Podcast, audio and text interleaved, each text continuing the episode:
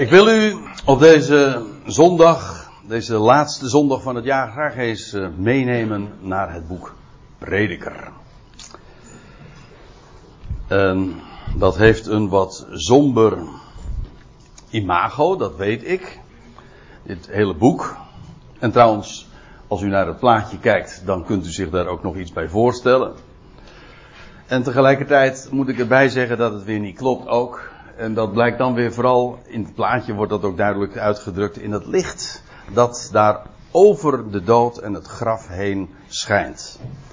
Ik heb het genoemd, maar die titel heb ik niet van mezelf, want het is direct ontleend aan dit hoofdstuk zelf. Allen treft eenzelfde lot.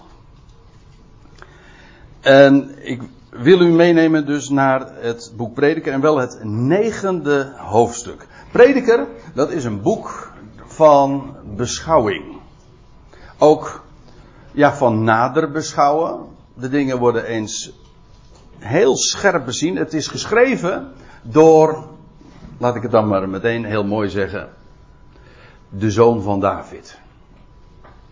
En dat bedoel ik inderdaad dubbelzinnig, maar in dit geval ook uh, letterlijk, namelijk Salomo. Er is geen mens ooit in de wereldgeschiedenis geweest die zoveel wijsheid heeft gesproken en wijsheid van Gods wegen heeft gekregen. De Bijbel getuigt daar ook van als de man die deze woorden heeft opgetekend. En we hebben nog veel meer uh, lectuur, literatuur van hem.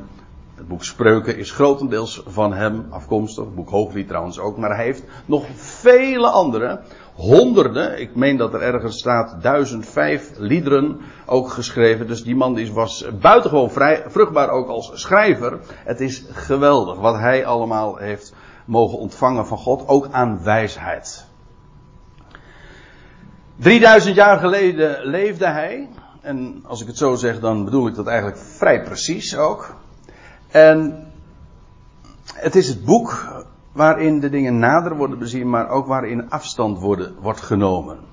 Het boek, het boek begint, en dat is heel tekenend voor de trant van schrijven, met alles is ijdelheid. De breker zegt, alles is ijdelheid, ja, alles. En najagen van wind. En, en dat blijkt op alle facetten van dit vergankelijk bestaan betrekking te hebben. Uh, als je bijvoorbeeld het boek dan binnenkomt, in Prediker 1 dus, dan word je meteen erbij bepaald van ja, dat het hele leven een, geen, geen, geen rechte lijn opwaarts is, maar het is eigenlijk een cirkelgang, circulair, een kringloop. Je begint weer daar, nee, je eindigt daar waar je ooit begonnen bent. Terug naar af. Nou. En dat blijkt toepasbaar te zijn uh, op heel het bestaan dat vergankelijk is en ijdel, vluchtig. En de, de, moderne vertalingen spreken daar niet over ijdelheid der ijdelheden, maar die spreken over lucht en leegte. Maar dat komt eigenlijk allemaal toch op hetzelfde neer, ongeveer. Laten we eens naar het negende hoofdstuk en het eerste vers toegaan. En dan wil ik zo de eerste 10, 11 versen van dit hoofdstuk bespreken dit uh, en, gewoon eens wat nader bezien wat prediker daarover te vertellen heeft.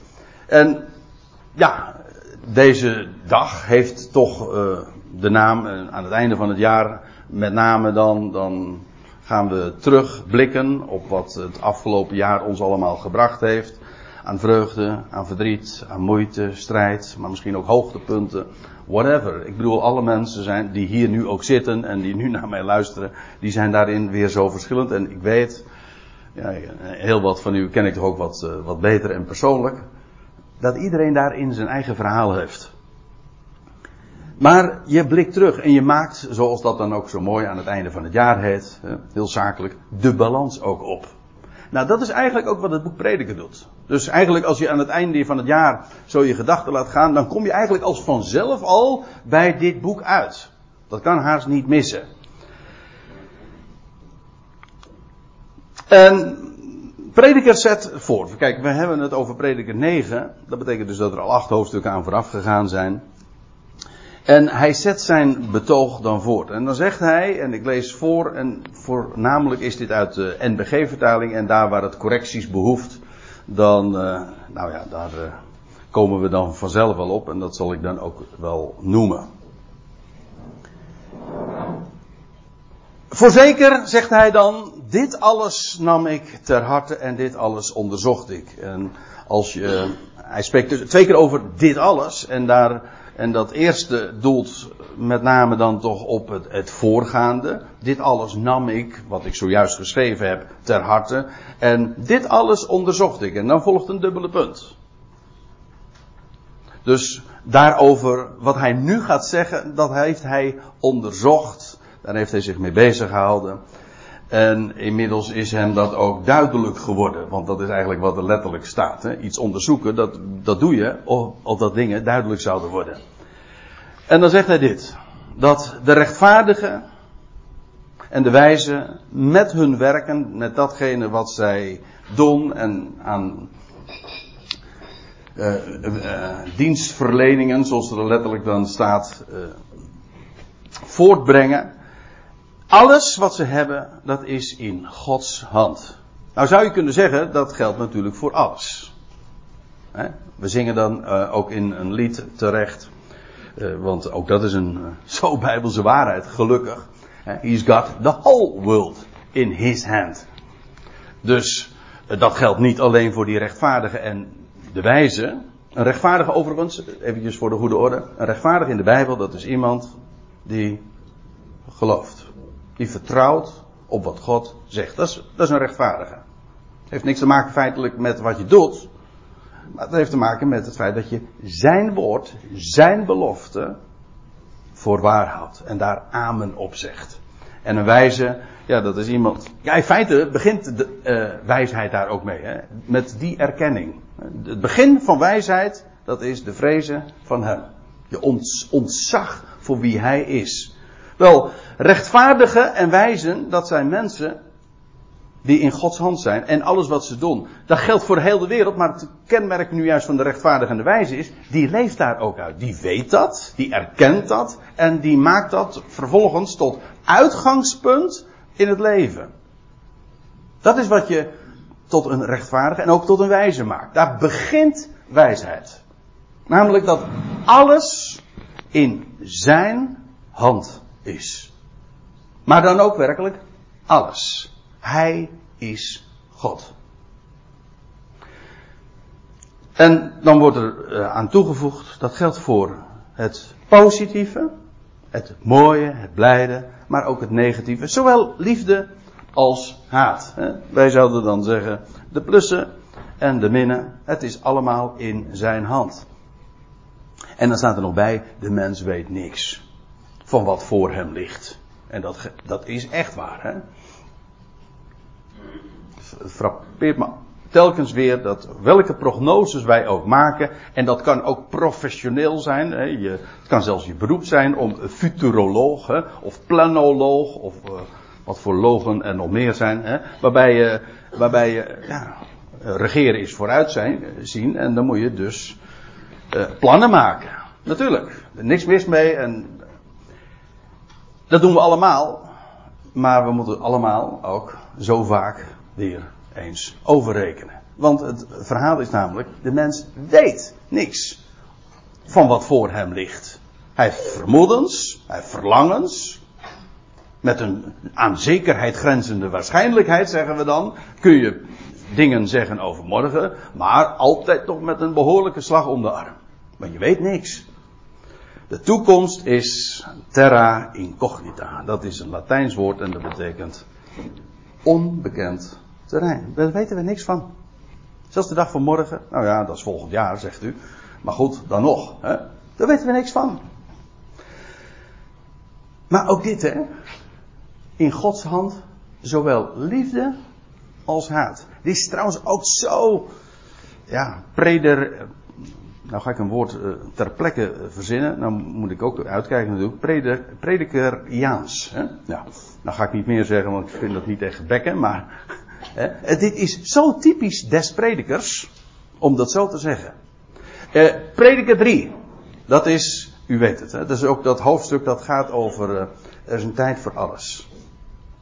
Voor haat, voor liefde, voor vrede, voor oorlog. God heeft alles perfect gemaakt op zijn Alles. Alles beschikt hij en ook alles heeft bij hem een bedoeling. Daarom, het is in zijn hand. Het gebeurt niet voor, niks. Een mens mag daar dan helemaal geen zicht op hebben. Hij begrijpt het niet. Maar dat is ons handicap. Of, nou ja, of het een handicap is, weet ik niet. Maar in ieder geval, dat is onze beperking. Hm? Meer weten we niet. We zijn maar kleine creatuurtjes. We zijn kleipoppetjes eigenlijk. Hè? Die adem, de levensgeest heeft ingeblazen gekregen. En that's it. Ik zou ook kunnen zeggen op zijn Engels, it's death. Dat wil zeggen, uiteindelijk leidt het naar de dood. Maar ook dat is des predikers. De mens weet niets wat, van, wat voor hem ligt. Wat voor, wat voor zijn aangezicht ligt. Alles is gelijk voor allen. Eenzelfde lot treft de rechtvaardige en de goddeloze. Kijk, dit, dit, is even een contrast. Aan de ene kant is dus de waarheid. Um, de mens weet niks wat voor hem ligt, maar één ding weet hij dan wel. En dat is, kijk wat prediker hier zegt. Dat is een, het, het resultaat van, onderzoeker, van een onderzoeker die goed waarneemt en daarmee vervolgens de dingen vaststelt. Gewoon de dingen, dat is ook eh, een uitdrukking die heel vaak in dit boek voorkomt, de dingen onderzoekt onder de zon.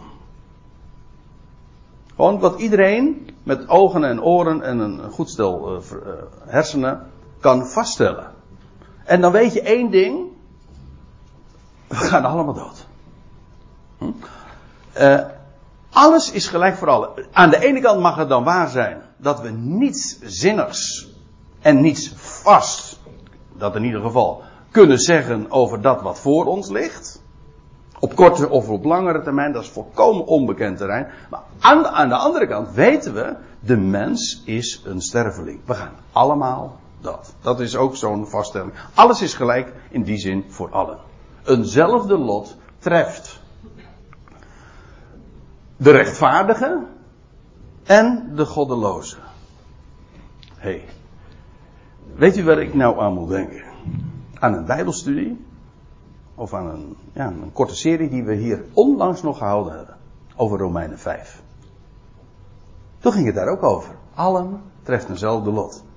Toen ging het over, in Adam sterven allen.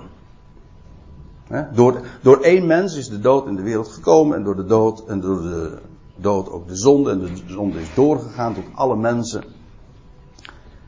En daarin wordt geen onderscheid gemaakt. Dat geldt voor alle mensen, wie je ook bent. Alleen prediker die onderzoekt de dingen onder de zon en hij stelt gewoon vast. De andere kant van deze medaille, daarover heeft hij het niet. Namelijk wat Paulus over, daarover zegt. Hij zegt, Paulus zegt, ja maar wacht even. Allen treft eenzelfde lot, maar dat is negatief gezien zo. Dat wil zeggen, alle mensen zijn aan de dood onderhevig, ongeacht wie je bent, rechtvaardig, goddeloos, whatever. Maar dat geldt ook voor wat in Christus de werkelijkheid is. Dat wil zeggen, hij, de laatste Adam die gekomen is en die de dood heeft overwonnen, de steen is weggewendeld en sinds hem en op basis van wat God door hem doet, gaat heel de mensheid het leven ontvangen. Allen treft eenzelfde lot. Dat is het evangelie. Kijk, dat allen hetzelfde lot treft en dat we allemaal doodgaan, is geen evangelie. Sterker nog, uh, mensen zeggen het is eigenlijk heel onrechtvaardig. Kijk, dat mensen die er een potje van maken in het leven, om het eventjes zo te zeggen, en, uh, of uh, de slechte mensen, want wij maken dat onderscheid dan. Ik had een buurman die zei van, je hebt twee soorten mensen. Dat vond ik heel wat beter. Hij zegt, je hebt slechte mensen en je hebt zeer slechte mensen. Ja, nou, dat denk ik dat het heel wat dichter bij de waarheid is. Maar goed, eh, dat vinden wij dan onrechtvaardig. Hè? Dat ook de mensen die goed eh, doen en braaf zijn en keurig leven en lief zijn voor de, voor de ander. En, dat die ook doodgaan. Dat is toch onbillijk? Dat is toch onrechtvaardig? Aan de andere kant kun je zeggen, de dood is rechtvaardig in die zin Het treft allemaal, alle mensen. Het maakt geen onderscheid. Ook niet, het heeft dus helemaal niets te maken met uh, wie jij bent of wat jij gedaan hebt. Allen treft eenzelfde lot. Maar het evangelie, laten we dat voor in ieder geval vaststellen. Het evangelie is de waarheid dat de dood is overwonnen inmiddels en teniet gedaan zal worden en dat alle mensen, al die miljarden mensen die er zijn, of ze het nou weten, of ze het nou erkennen of niet, allen treft eenzelfde lot. Namelijk dat het leven dat hij 2000 jaar geleden aan het licht bracht, dat zullen ze allemaal krijgen. Ieder in zijn eigen rangorde. Maar dat is niet zo gek. We worden toch ook niet allemaal tegelijk geboren. En we gaan toch ook niet allemaal tegelijk dood. Dat, is ook, dat heeft toch ook ieder in zijn eigen rangorde en volgorde. En dat heeft toch ook allemaal zijn eigen plaats en timing. Nou, dat geldt ook voor het ontvangen van het leven. Dat is waar. Maar het feit staat. En hoe het dan precies gaat, dat is vers 2. Maar het feit van allen treft eenzelfde lot en zullen het leven beërven. Dat is de glanzende waarheid. Eigenlijk de keerzijde van wat hier staat in Prediker 9 vers 2. Dat geldt voor de rechtvaardige, de goddeloze. En gaat prediker verder. Ik, we moeten bij vers 11 uitkomen, dus ik, ik ga niet al te eh, diep op deze dingen verder in. Maar het, ja, dit is eenvoudig te begrijpen. De goede, de reine, als ook de onreine. Hem die offert, degene die God religieus is, zeg maar. En hem die niet offert, degene die niet religieus is. Het gaat de goede evenals de zondaar. Hem die zweert en hem die de eed schuwt. En dat gaat dan vooral een eed zweren, dat is Gods erbij betrekken. En de Bijbel waarschuwt daar erg voor. Mensen denken dat dat heel godsdienstig is om God overal bij te betrekken. En om Gods naam, om God zeg maar voor je karretje te spannen. Dat is het eigenlijk. Dat is Gods naam ijdel gebruiken. Feitelijk, wat je dan doet, is een eed uh, zweren. Dat wil zeggen, je betrekt God erbij. Bij dat wat jij doet. En je spant hem daarmee voor je karretje. Er zijn er ook die daar beducht voor zijn en terecht. Om Gods naam ijdel te gebruiken. Maar daar gaat het even nu verder niet om. Wat hier in dit vers naar voren gebracht wordt, is dat al deze contrasten die er nu eenmaal zijn in de mensheid, van goddeloos en rechtvaardig, van rein en onrein, offerd en niet offerd, et cetera, et cetera. Alle treft eenzelfde lot. Dit is kwaad. Er staat in, uh, in de MBG-vertaling dan, dit is dan het ergste. Maar het staat gewoon in, in, in het dit is kwaad. Ik moet er trouwens eventjes voor waarschuwen. Vooral als u dan deze, als u hier schuin gedrukt ziet, dan wijkt de vertaling af van uw MBG-vertaling. Tenminste, als u die voor u hebt. En waarschijnlijk ook van de verstaande vertaling, maar dat weet ik niet altijd. In ieder geval, als dat. Kijk, u ziet het. Dit is kwaad. De MBG-vertaling vertaalt dan met is het ergste. Maar zo staat het, zo heeft prediker dat dus opgetekend vanuit het Hebreeuws. Dit is kwaad. Dat onder de zon geschiet. Hier heb je die uitdrukking. Onder de zon. Ja, dat is waar we leven. Wij spreken meestal over het ondermaanse. Maar de prediker spreekt over het onderzonse, zeg maar. Dit is kwaad dat onder de zon geschiet. Dat allen eenzelfde lot treft. Ja. En ook en nu, nu wijkt de, lezing echt wat af van de, van de gangbare MBG-vertaling. En ook, of bovendien, dat het hart van de mensenkinderen, of letterlijk staat er de zonen van de mens, of de zonen van de mensheid, vol boosheid is. Er is verdwaasdheid in hun hart. Hun leven lang. Nou scheert eventjes eh, de prediker alles over één kam. En als je nou gewoon kijkt naar de mensheid als geheel, en dat is natuurlijk een generalisatie, dan is de mens gewoon dwaas. En het hart van de mens is vol boosheid. En het loutere feit dat een mens slechts een vergankelijk wezentje is, een schepseltje is, en weet dat aan zijn bestaan een einde komt. En dat zou hem toch in ieder geval heel bescheiden en nederig moeten maken.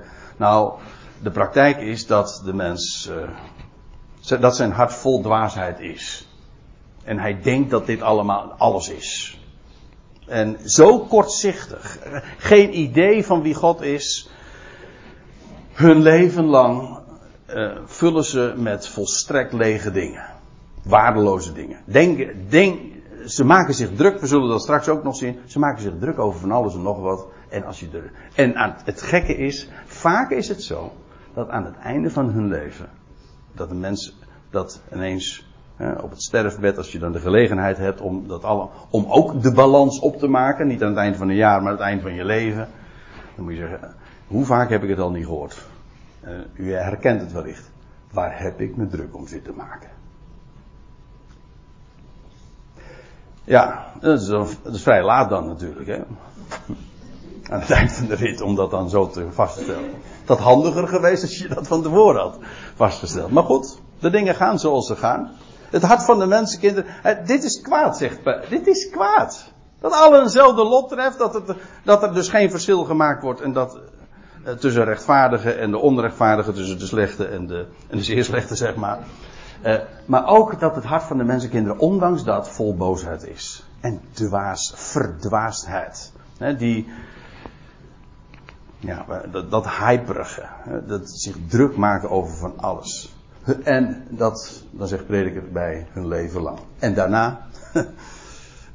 Sommige vertalingen zeggen dat uh, heel mooi, want in het Hebreeuws eindigt dat heel abrupt, deze zin. Van de, mens is een hele leven gewoon met, die, uh, met lucht en leegte bezig, najagen van wind. En dan een leven lang en daarna naar de doden. Naar de doden, uitroepteken. Zo, als het, het wordt van de hemel geroepen. Zo, en nu ga je weer in je mand, zeg maar.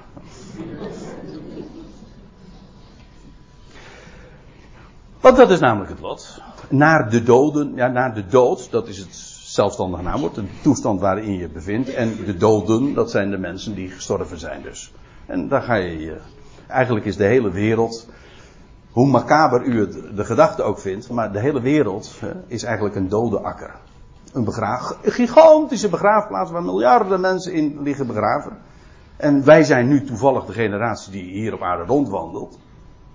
Maar al die mensen die begraven zijn, die wandelden ooit, net zoals ons, nu hier eh, op aarde rond. En net als zij, krijgen wij dat ook te horen. Naar de doden. Oké, u zegt, maar Paulus heeft toch een geheimenis dat niet allen zullen ontslapen. Ja, maar daar heeft prediker even niet over. Dus ik zie daar nu ook eventjes helemaal aan vooraf. Dat is een heel bijzonder geval. Dit, dit is in principe de universele waarheid. Een mens gaat dood. That's it. Want voor wie is er keuze? Ja, de korte verklaring die leest dan, want van wie is er hiervan uitgezonderd?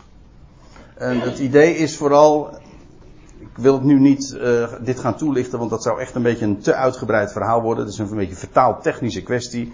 Uh, deze zin hoort dus eigenlijk bij het voorgaande. Daarna naar de doden. En dan, want voor wie is er keuze?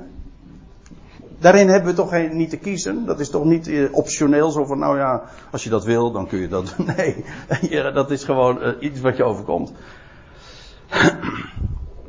Bij alle levenden is er eh, letterlijk vertrouwen. Of zolang er leven is, zeggen we dan. En de MBG-vertaling zegt: is er hoop? Ja, als je nog leeft, dan kun je nog dingen hopen. Dan heb je vertrouwen in dingen. En dan zegt de prediker, en dat vind ik een wat pijnlijke aangelegenheid dat het er zo staat. Maar uh, immers, een levende hond is beter dan een dode leeuw. uh, Ja, nou, dit is. Uh, nou moet ik er erbij zeggen, een levende hond, een, een hond in de Bijbel, dat is niet. Dat is geen huisdier, hè? Een, men had geen hond in huis. Dat, die gedachte begrijp ik heel goed. Maar daar denken sommige mensen heel. Die daar dus denken heel veel mensen wellicht in deze zaal uh, totaal anders over. Daar ga ik helemaal niet over in discussie. Het is gewoon een gegeven. In de Bijbel is een, een hond geen huisdier. Dat is een veel later fenomeen. Het is een straathond en dat had altijd iets verachtelijks. En, maar zegt prediker dan, en, en, een leeuw trouwens in de Bijbel, maar dat is bij ons ook nog steeds het geval, die is bekroond. Hè, het is de koning der dieren. De leeuw van Juda. Dat is ook de koninklijke titel van de Messias. Maar zegt prediker dan, nou, een een, zelfs een levende hond is nog beter dan een dode leeuw. Ja. Het heeft wekt een beetje de indruk alsof hij hier een uitspraak uh, aanhaalt, uh, of een, een, spreuk of een gezegde in die dagen. Maar in ieder geval, zelfs een levende hond is beter dan een dode leeuw. Zolang er namelijk nog leven is, ja, dan is er activiteit, is er hoop, is er vertrouwen. Maar ja, de dood is alles over. De, de, de levenden weten in tenminste. Trouwens, als je dat, uh, ik heb er geen diaatje van, maar je zou uh, eventjes een hele mooie structuur kunnen maken van, van dit gedeelte, wat we nou vanmorgen onder ogen zien. En dan zie je iedere keer dat prediker voortdurend afwisselt de betekenis van het leven, of het, juist het ontbreken van die betekenis, de ijdelheid van het bestaan en tegelijkertijd, en dan dat spiegelen met, en de vergelijking met de toestand van de dood en de doden. De levenden, zegt prediker dan in vers 5, de, die weten tenminste dat ze sterven moeten. Ze weten niet veel. Nee, dat als je zojuist vaststelt. Wat weet een mens nou eigenlijk?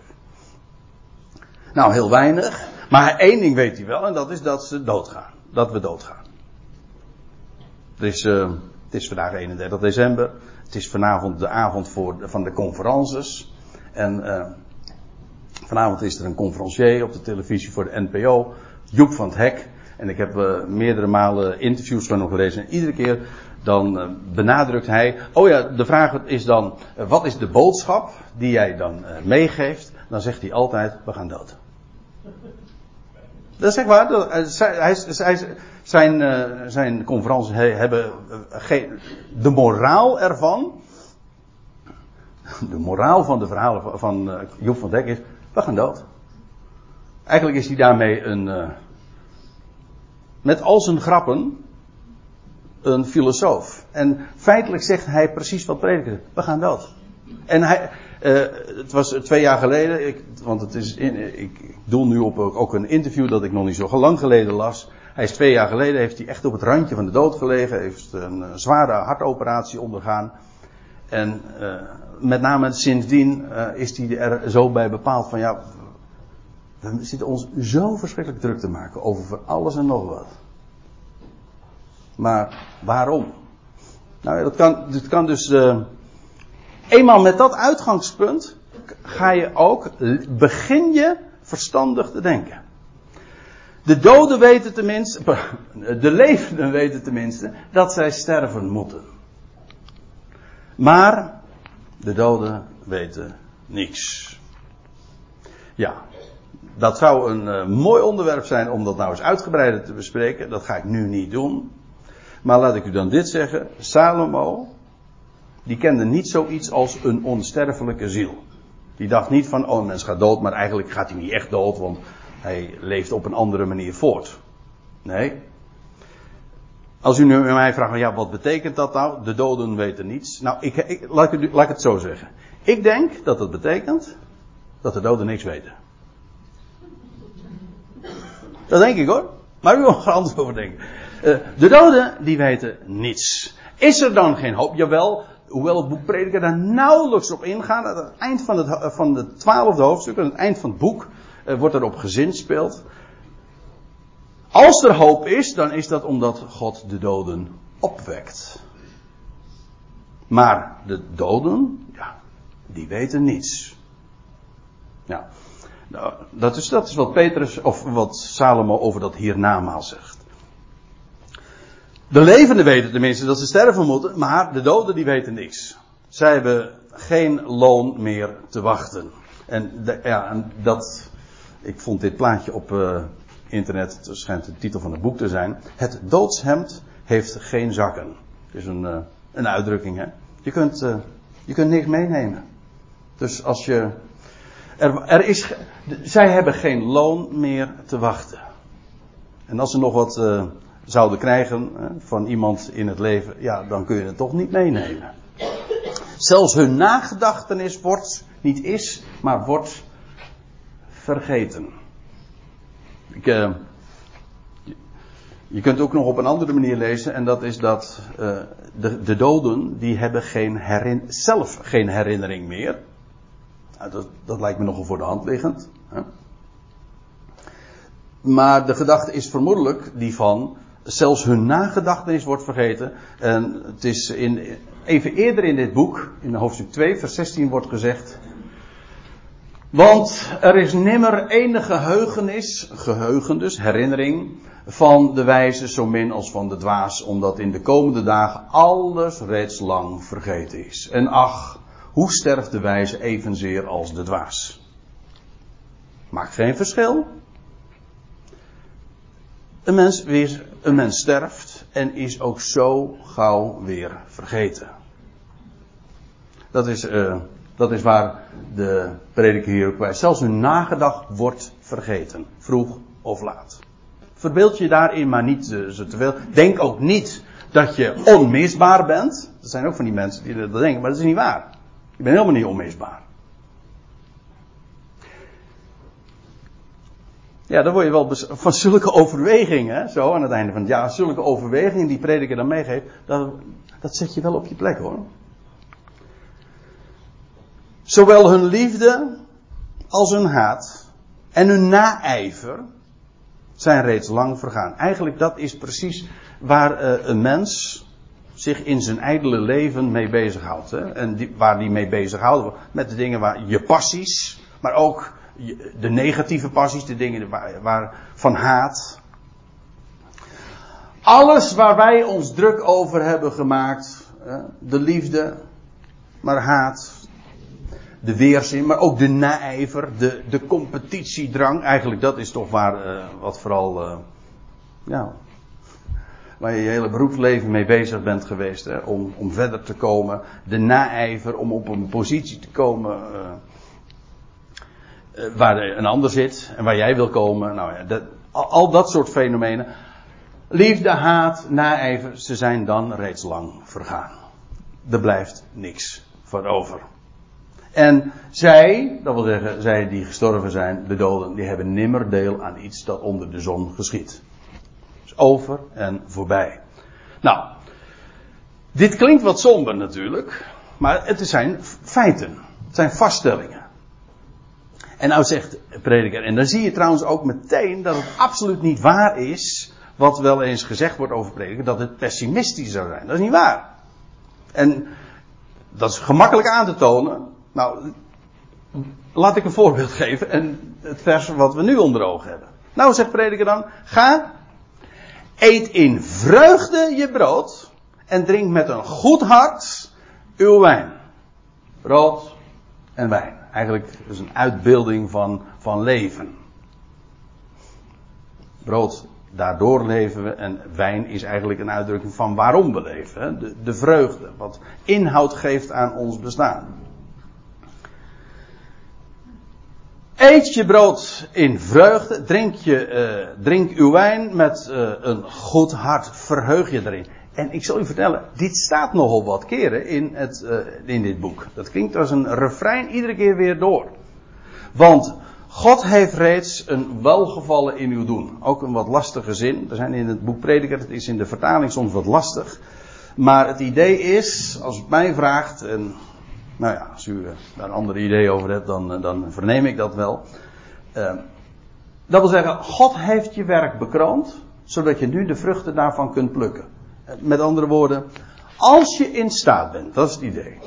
Als je in staat bent te genieten van de dingen die je ontvangt. Om brood te eten, om de vreugde te genieten, om de wijn met een goed hart te drinken, gewoon als embleem, als uitdrukking van de dingen die je ontvangt. En die een bron zijn van, ja, om je te verblijden. Gewoon hele aardse dingen. Doe dat. Want God stelt jou in die gelegenheid. Dus met de wetenschap, we zijn hier maar vergankelijke voorbijgangers, met recht voorbijgangers, passagiers.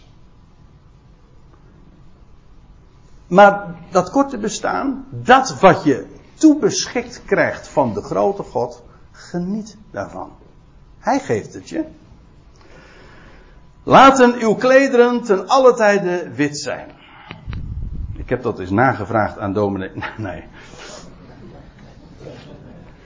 Ja, er zijn hier. Dominee Dumorsy eh, van Voorthuizen wou ik zeggen. Hermin. Ik. Uh, nou ja, u weet het, er zijn, er zijn velen in ons land bijbelgetrouw. En die uh, er altijd op hameren. En die, die juist benadrukken dat we altijd in het zwart zouden gaan. Nee, nou prediker is het daar niet geheel mee eens. Laat ik het voorzichtig zeggen. Prediker zegt, laat uw klederen ten alle tijde wit Er zijn natuurlijk momenten dat je in het zwart gaat. Hè? Als er reden van rouw is. Ook twee hoofdstukken eerder wordt daar nog over aan gerefereerd. Maar het idee is, laat je klederen zoveel als mogelijk. En ten alle tijde, dat staat hier heel sterk. Laat uw klederen ten alle tijde wit zijn. Hè? In tegenstelling dus tot zwart. Een uitdrukking, de kleur van rouw en daarmee ook van de dood.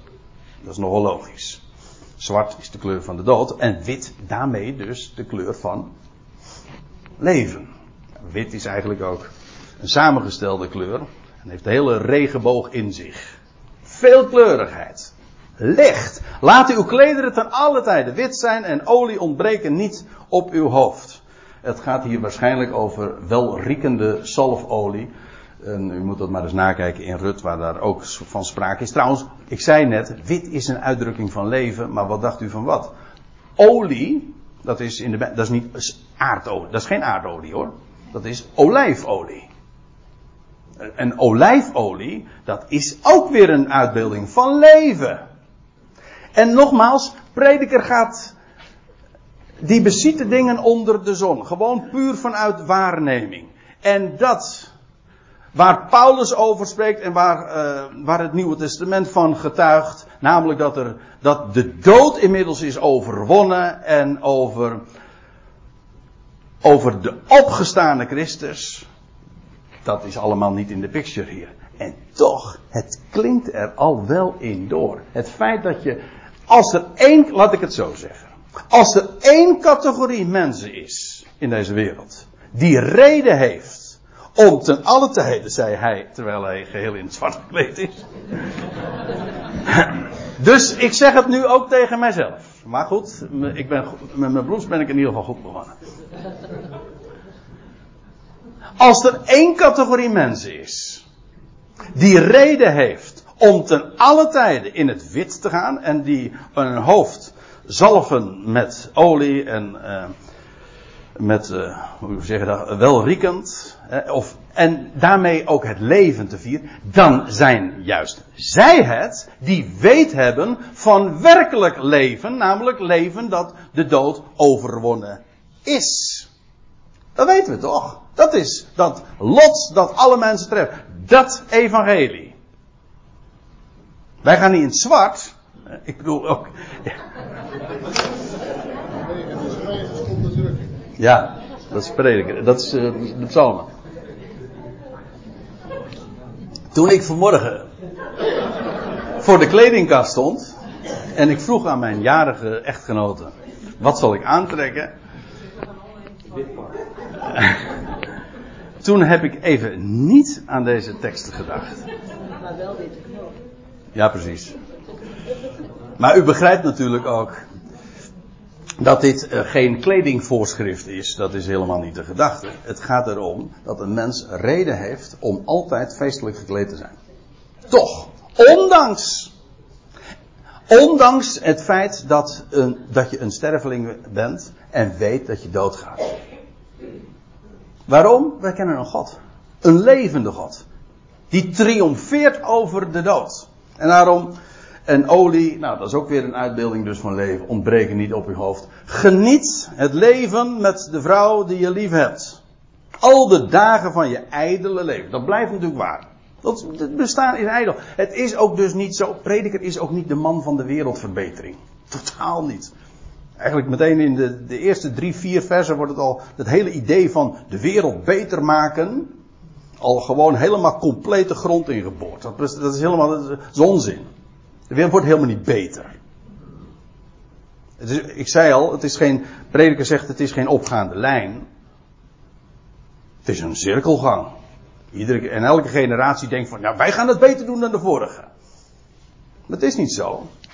En noem het zwaarmoedig, maar het is gewoon een vaststelling. Het leven is, is ijdel. Het is in de zin van vergankelijk. Het is vluchtig. Het is, duurt veel korter dan je zou denken. En, en zou willen. Ja. Nou ja, daar denkt niet iedereen trouwens hetzelfde over. Maar. ga voorbij. Het is een ijdel leven. Vergankelijk en bovendien, we kunnen de dingen helemaal niet naar de hand zetten. Maar geniet het leven met de vrouw die je lief Als, als je die dingen hebt gekregen. Je, kunt je, je kunt je brood eten met vreugde. Je, je kan genieten van een goed glas wijn en van het eten en drinken. En, en je bent daarmee gezegend. Met een man of een vrouw of een partner. Prachtig. Geniet dat. Geniet van de dingen die God. Tel je zegeningen. En het kan ook zijn trouwens dat je leven nog anders loopt. Dat je zonder partner bent. En dan, dan, dan nog blijft het waar. Geniet gewoon van dat leven. Al de dagen van je ijdele leven. Die hij u geeft onder de zon. Die hij u geeft onder de zon. Want je hebt jezelf niet gemaakt. Je bent, niet, je bent er geplaatst. Al je ijdele dagen. En als ons leven betekenis heeft, dan is het omdat hij er wat van maakt, maar dat is niet vanwege ons. Want, zegt prediker dan, dat is uw deel onder de levenden. Gewoon, zolang je hier op aarde rondwandelt, is dat je deel. Dat mag je genieten. Je krijgt dat. Nou, als je het krijgt. En je mag daar dankbaar voor zijn. We hadden daar nog niet zo heel lang geleden bij ons thuis een discussie over. Uh, over dat begrip dankbaarheid. Want er wordt wel eens. Uh, als ik me niet vergis, had je recentelijk nog een de dag van de dankbaarheid. Maar hoe de discussie ging daarover of een mens in de wereld die God niet kent, of die dankbaar kan zijn. En toen zei ik van nee, dat kan niet. Ja, je kan dankbaar zijn aan een ander. Als een ander mij een cadeautje geeft, zeg ik dankjewel. Maar als, uh, hoe kun je dankbaar zijn voor het leven? Hoe kan je dankbaar zijn voor de dingen die je mag genieten? Als daar niet iemand is die het je geeft. Dan kun je er blij om zijn. Dan kun je je bevoorrecht voelen. Maar dankbaarheid veronderstelt dat er iemand is die het aan jou geeft. Dat, dat het een geschenk is.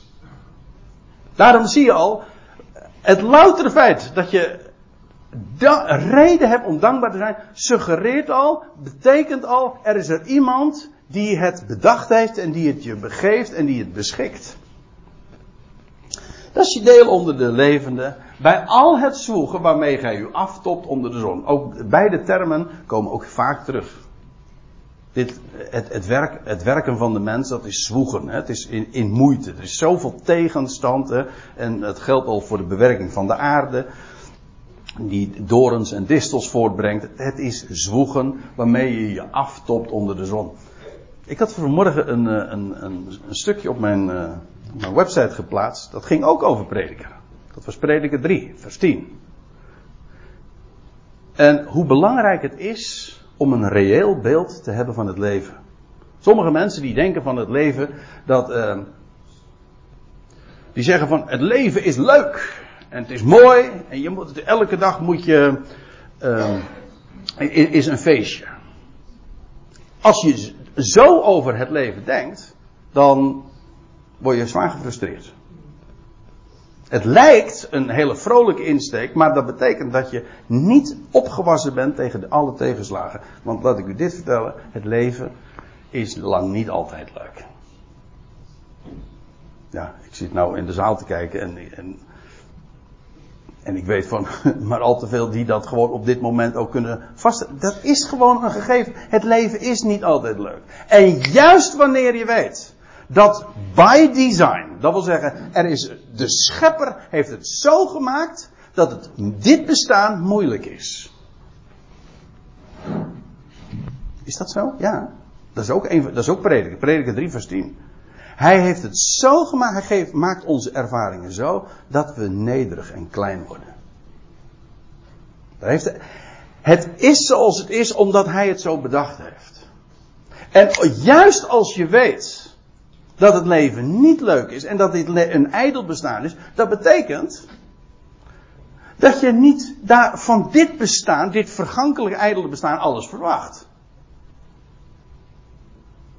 Dat betekent dus ook dat je niet teleurgesteld raakt wanneer er, dingen op je pad komen die niet leuk zijn. Als je denkt, als jouw overtuiging is, alles moet leuk zijn, dan word je natuurlijk meteen al teleurgesteld als er dingen eh, komen in het leven. En dat gaat gewoon elke dag, als je gewoon uh, reëel bent. Die niet leuk zijn, die niet mooi zijn, die niet fijn zijn of, nou ja, dat soort etiketten. Dan ben je er niet al tegen opgewassen.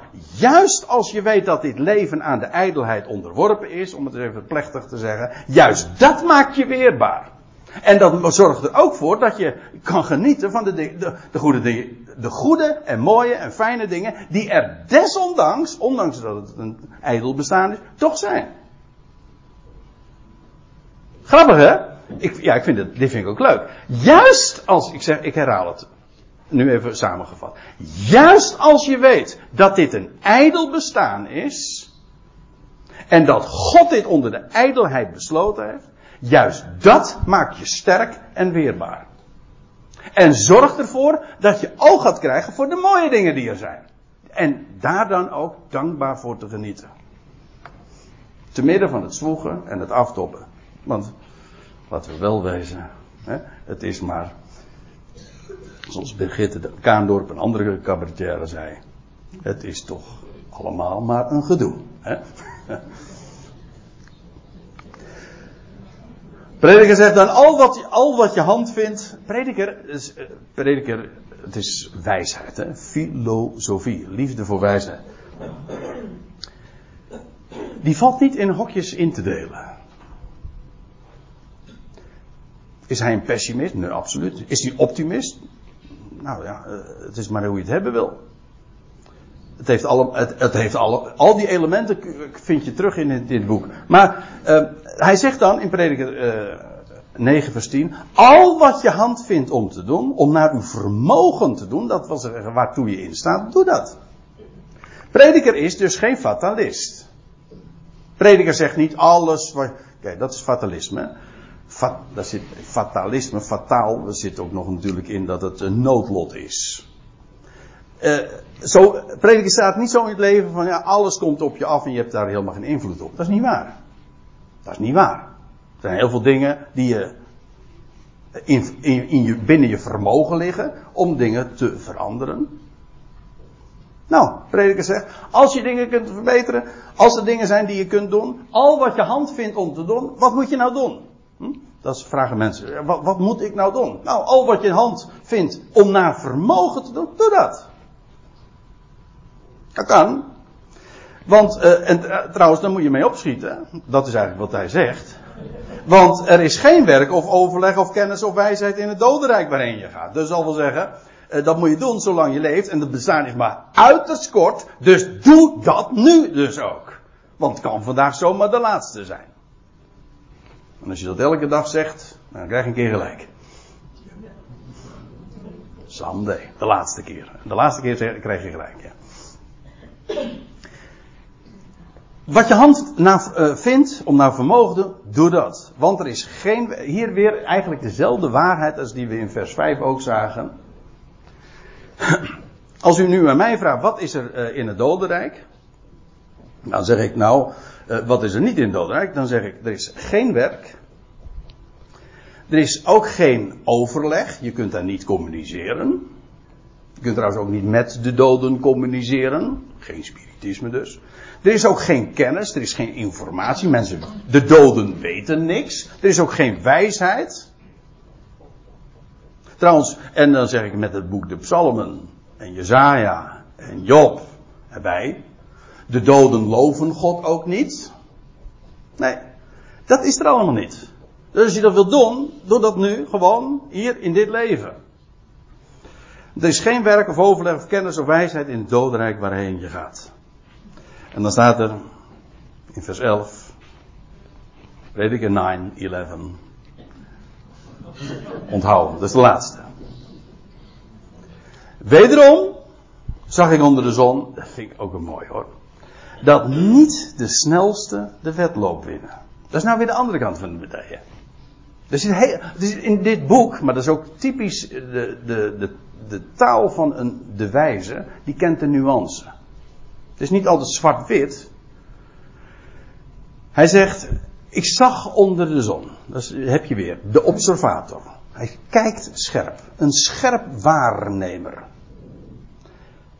En dan, zegt, dan stelt hij vast, ja, niet altijd zijn het de snelste die de wedloop winnen. Nog de sterkste de strijd, nog ook de wijzen het brood. Ik, uh, dat is een mooie trouwens, omdat uh, in, uh, als, als tekst op te hangen, als een tegelspreuk in de sportkantine.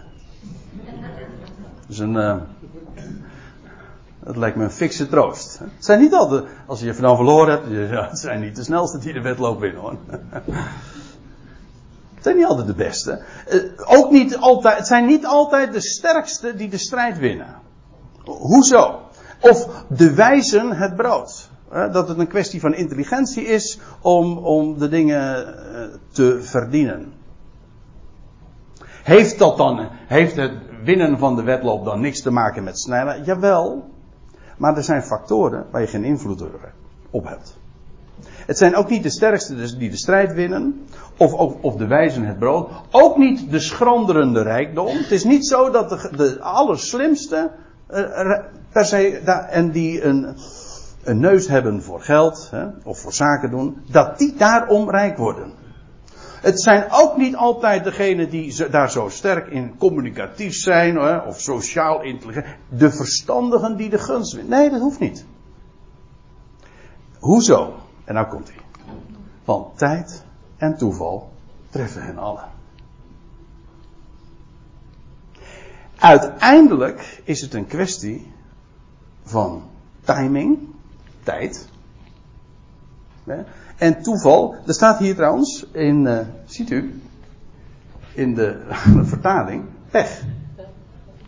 Soms zeggen we, ze zeggen wel eens, uh, ja, om een wedstrijd te winnen of om succes te hebben. Natuurlijk is competentie belangrijk, hè? vaardigheid. je moet weten hoe, hoe de dingen in elkaar zitten. Ja, maar dat is niet alles. Uiteindelijk is het soms ook gewoon geluk. Of pech, als je het negatief wil zeggen, maar het is eigenlijk hetzelfde. Alleen de ene is positief en de andere is negatief. Het, kijk, het, het idee, dit woord toeval, wat hier vertaald wordt voor pech, letterlijk is afgeleid van iets wat op je komt of je overkomt. Met andere woorden, je hebt er geen invloed op. Er zijn altijd factoren in het leven waar je geen invloed op hebt. Kijk, de prediker zegt, al wat je hand vindt om te doen, doe dat naar vermogen. Nou, doe dat. Maar denk niet dat je daarmee het leven of jouw leven kunt maken, want zo is het niet. En eigenlijk vind ik dit de allermooiste waarheid. Eén van het boek Prediker. Want dit bepaalt je bij het feit dat er een God is. En wat betekent dat? Dat is vanuit Grieks, dat is de Theos, de plaatser. Hij die alles beschikt. En dat betekent dat hij ook precies de dingen timet. Een plek geeft. De juiste plaats, de juiste tijd. Daar hebben wij geen invloed op. Maar hij wel. Dus als je nou vraagt van geloof je in toeval, dus zo zeggen mensen, hè? Uh, gelovige mensen, nee, ik, ik, geloof niet in toeval. Ja, prediker wel. Trouwens, uh, er zijn diverse plaatsen hoor, in de Bijbel waar gesproken wordt over toeval. Rut kwam toevallig op het veld van Boas, lees je in Rut 3 of 2. Toevallig. Ja, dat wil zeggen, zij, en met, met toeval, wat bedoelen we daarmee? Daarmee bedoelen we dat wij er geen invloed op hebben.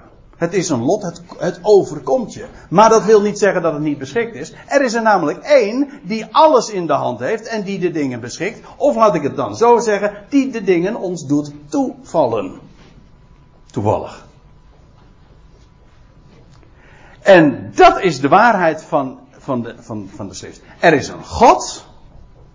Hij heeft ons gemaakt. We zijn werk van zijn handen. Wij zijn in staat om dingen te doen. Maar uiteindelijk, voor het winnen van de strijd, of van de wedloop, of van het verkrijgen van het brood, of van rijkdom, of van gunst, of whatever, ben je afhankelijk van een plaatser. En hij heeft alles in handen en hij beschikt de dingen. Als, om maar wat een, bijbelse voorbeeld te noemen. Mozes, die werd in een mandje gelegd in de dijl. En laat net op het juiste moment daar een Egyptische prinses langskomen en begint dat ventje te huilen. Precies op dat moment op, begint hij te huilen. En precies op die plaats waar die prinses ging baden en, en waar zij net langs liep. Toen, op die moment, op dat moment, uh, troffen zij elkaar. Right time, right place. God is de arrangeur, de regisseur. Hij beschikt de dingen. En dat vind ik zo mooi. Ons leven wordt niet geleid door noodlot, fatalismen. Ons leven wordt beschikt door God. En hij houdt van mij, hij houdt van zijn schepselen. En als je hem kent, dan weet je, hij beschikt de dingen. En daarom is mijn leven volledig in zijn hand. En voor succes ben ik niet afhankelijk van mijn doen. Voor het slagen, maar volledig van hem. En hij heeft mijn leven in zijn hand. En naar, hoe staat het in de Romeinen? Nou, dan haal ik toch Paulus eruit. Eh, Romeinen 8, Romeinen 8, u weet het. Dat is dat hoofdstuk dat zegt van dat, dat God de ganse schepping aan de ijdelheid heeft onderworpen is in één zin het boek, hele boek prediker samengevat. Maar in datzelfde hoofdstuk, daar staat van dat God alle dingen doet medewerken ten goede. Voor degenen die hem lief hebben. Alle dingen. Alles plaatst hij. En alles geeft hij een plek. De juiste tijd, de juiste plaats. Hij is de beschikker. Is dat geen mooie overweging, zo aan het einde van het jaar?